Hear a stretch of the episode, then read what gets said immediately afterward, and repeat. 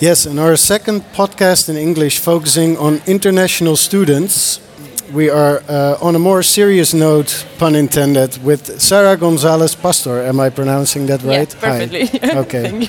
Can we? She has uh, track three. Yeah. Yeah. Cool. Okay. Good. So you did a, um, a very very um, beautiful project where you played for um, patients who were recovering from a uh, surgery, Yeah. I believe. And you are also on the Yeah. posters throughout the city because like it doesn't happen often that the conservatory and the UMCG are combining their powers to do things like this, right? Uh, the thing is, uh, they are trying to do it like more often. Uh-huh. And since I came here, um, I mean, I already knew that in the past they did like uh, several projects uh, during the year, but it's uh, for now it's like maybe three times per year, four. So um, it's not like something that it's uh, happening weekly. You no, know? it's not regularly. Yeah, but they are trying to do it more often because of the benefits that the music has. For It's really working. Yeah, That's amazing. yeah, So, Yeah. and you played for one week? yeah. The project is always like one week that you have to spend every morning there. Uh-huh. So you warm up with your um, musicians team first. Then you go and you uh, talk and play for the members of the hospital because it's also important to have a connection with them. Uh-huh. and then you go through the rooms and through the yeah through the uh, you play for all the patients there and then you have a reflection again about what happened and uh, what you can improve or what you should do for the next day But that, so that's a really uh, that's the research part. yeah So you're yeah because you are a conservatory student and you play the violin. yeah And you play classical music. Mm-hmm. And you played, um, I believe, Bach and Beethoven, but also the Beatles and Yeah, popular music. everything, yeah. So like, and you played at the beds uh, of recovering patients. Mm-hmm. And they could they request like any song they wanted? Uh, depends on the patient. Um, sometimes they really want something, uh, like one concrete song, and if uh, we have, if we don't have it at the moment, because we have to get prepared before, and maybe we don't have that song. Uh, what we do is make an arrangement for the next day, so we are yeah ready for, for them. But that day maybe we can improvise something similar and the style of the music, or uh, we just play some composer or some uh, yeah song quite similar Something to the one similar. that yeah So to how many uh, patients do you play on a single day? yeah that also depends on the people because maybe uh, they have to go home during the week which is nice for them Yeah, because Or- they, yeah. they're recovering. So it could be like 30 people or 10 because also depends on what they want that day. Maybe they have a lot of pain and they don't want music or it depends maybe they need like more time than the day before. So depends on yeah. That's why we have a mediator. So we are three musicians and then we have a mediator which is the one that um, uh, take the information from the nurse Yeah. uh, and know who wants music or how they feel that week or you know so- basically what a mediator Yeah, does. yeah. Like, but it, that's really different because usually, like you perform at a stage, and then you have a per- people buying a ticket, and then they have their seat, and then Yeah. they listen. But here you have to really, like, even more interact with the audience That's- in a way yeah. more uh, personal manner than you normally would, right? Yeah, that's really. I think It's really different, like to play on the stage for a public that you don't have real connection. You, you, you don't. You are not going to talk with them, or you are not gonna have like a yeah real connection. You just play the music, Uh-huh. and the music goes to them. But uh, here you really have to talk and make yeah like a friendship, let's say, or make A like friendship. yeah, you, you make like a safe space for them to be open or to say what they need and at the moment after the surgery. So, you know, you it's not only about the music and it is, but it's also about the human But connection. that, yeah, but I think that's even like because you're a, a master student at a conservatory, so Yeah. obviously you're a, like technically you're really good, yeah. I assume. And but you know, to make uh, a, a connection with a person who also is maybe in pain, like Mm-hmm. you said, like that sounds like it's it's a whole different thing. To- Yeah, that's why the conservatory. Uh, I mean, we have to pass through a module which is one semester long, uh, where um, the professionals. module? Yeah. Like- from- okay, so yeah, like from the professionals uh, the- of the conservatory uh, teach us how to approach to people with pain or how different is what we are normally doing uh, to to to this like what difference are between yeah, the regular Ah. So, concerts and what is one thing you really picked up in that module?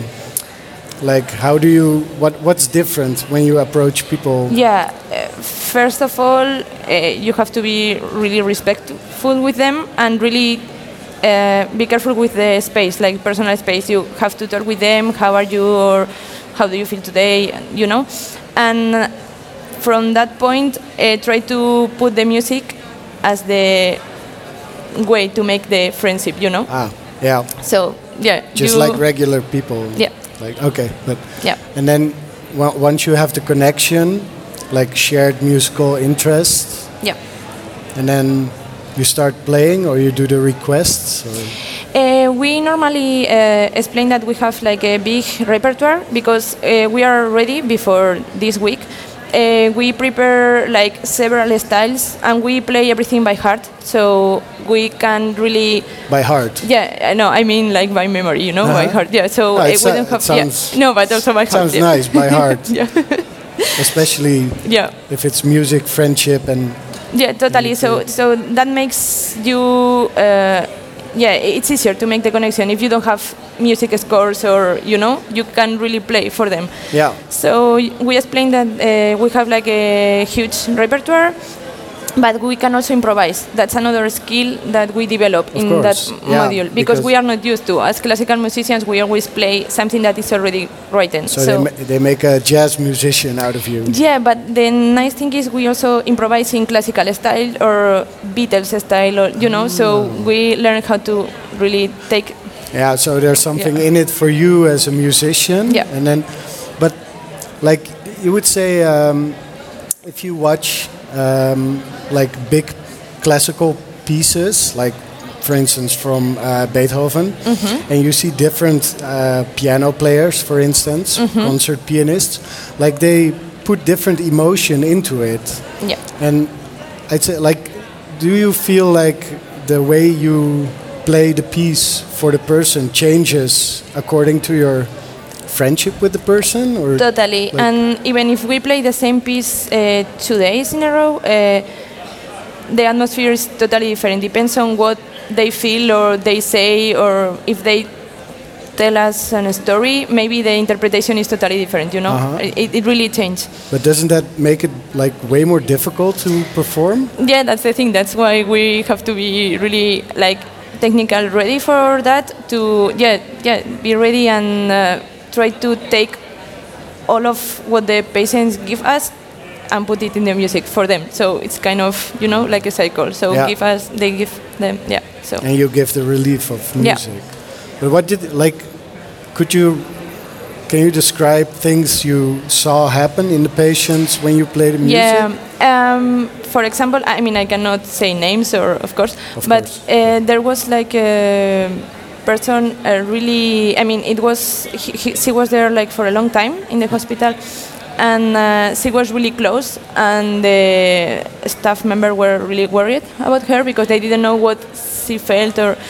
And after a few days playing uh, for her and talking with her, she just starting to open and to yeah explain stories from her past and explain us how she felt there and suddenly she just felt better you know like after one week of playing for her you know eh, somehow she felt that she could open her feelings to us Uh, or you you were know playing some sort of soundtrack to her stories.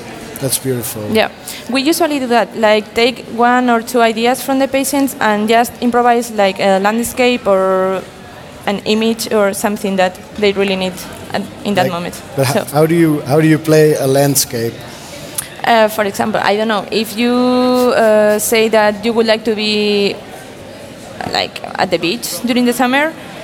We get that, and with our technical skills, we try to really um, create a landscape with the sound of the sea or the wind, you know, so you can feel that you are there. With slow and relaxed movement. I got you some water, by the way. Thank you.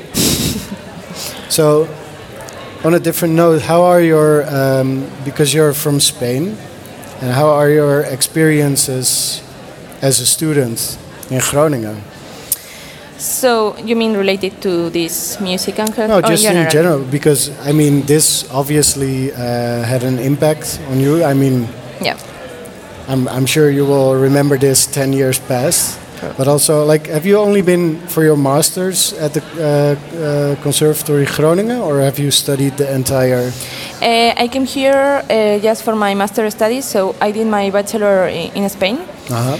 Um, but I mean, I came here uh, because of my violin teacher, of course, but also because of this module that the school has, because I was already interested in the music and healthcare. Ah, So yeah, uh, the, the module I think it's important is uh, meaningful music in healthcare, and I was interested in uh, yeah in taking part in it. So that's why I also came here. Ah. You know, so but did you?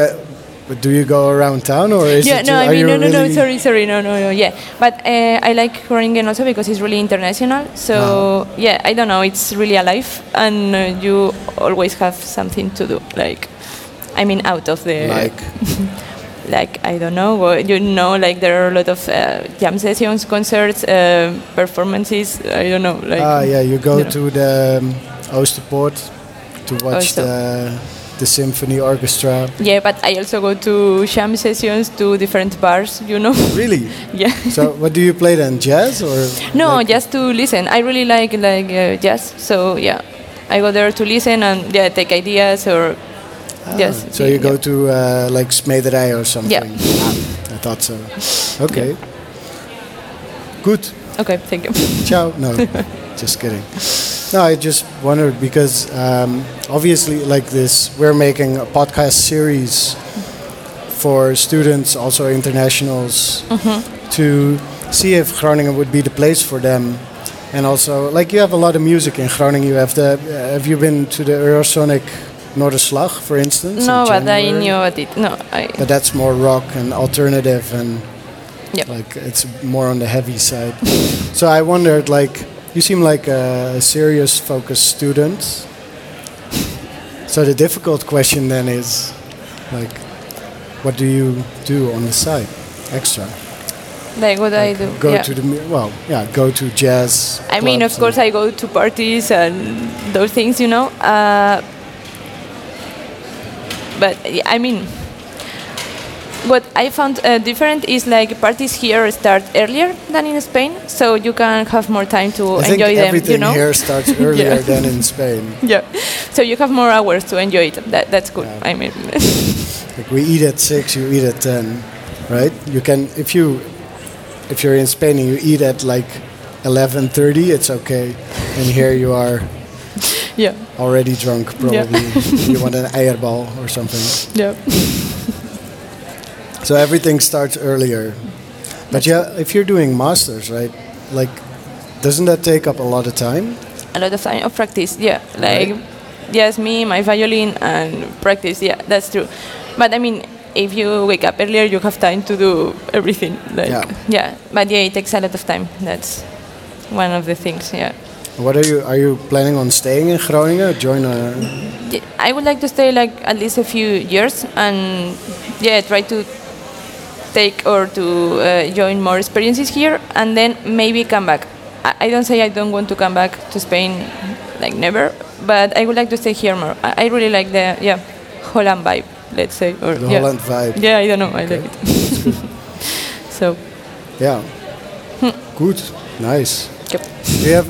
I see you wrote down all kinds yeah, of things. yeah, just yeah. Did, did I um, did I cover anything you wanted to uh, Yeah, I think so. talk about? Are you sure? yeah, I think so. Yeah.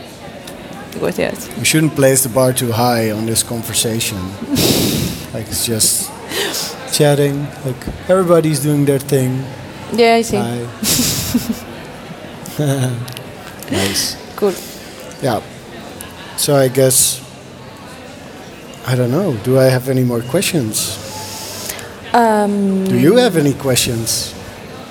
No, not really. I, I don't have, but yeah, I just want to say I didn't expect that, and it, it was really nice. Like I didn't expect that interview, but you you know, af before receiving the email, I didn't expect that I was going to be interviewed, but it, it was ah, nice. okay. Yeah. Good. Yep. Cool. Yep. And so, is the project, by the way, is the project gonna have a follow-up? Yeah, this is Dutch. Can you read? Like, Uh, no, not really. But is the project gonna have a, a, a follow-up? Like, are they implementing it? yeah, because you mentioned so. that earlier. Yeah, uh, so we did this like at the beginning of September, but they really want to do it like I, I think I will join another project like maybe this year, like 2020. But uh, in January or February, maybe they really want to continue doing it and Make it regular. Yeah, Wow, let's see. that's funny that they like. That's uh, uh, an academic hospital, but like it's pretty experimental actually because it's not medicine. Like it's a totally different thing, right? Yeah, It's- I know, but uh, the thing is, I'm not. I don't really know. Uh, I I cannot tell like the benefits right now, but there are benefits because uh, the staff from the hospital they really want us to keep doing it. Yeah. So, you know, they have like uh, reflective meetings after the projects, and they see what happened with all the patients and everything, and if they want, they really want to keep doing it because So the, yeah. like, are there also a lot of doctors present? Do they come to watch you? Like, uh, Yeah, they try to be like uh, in the corridor because they don't want to interfere. But uh, yeah, they are there and listening, and also the nurses are in, the rooms, and we really try to uh, connect patients, staff from the hospital, and the music. You know, like don't make it like we are different teams. Like if it's yes. But you were, and you were, you said you were already interested in the subject back in Spain.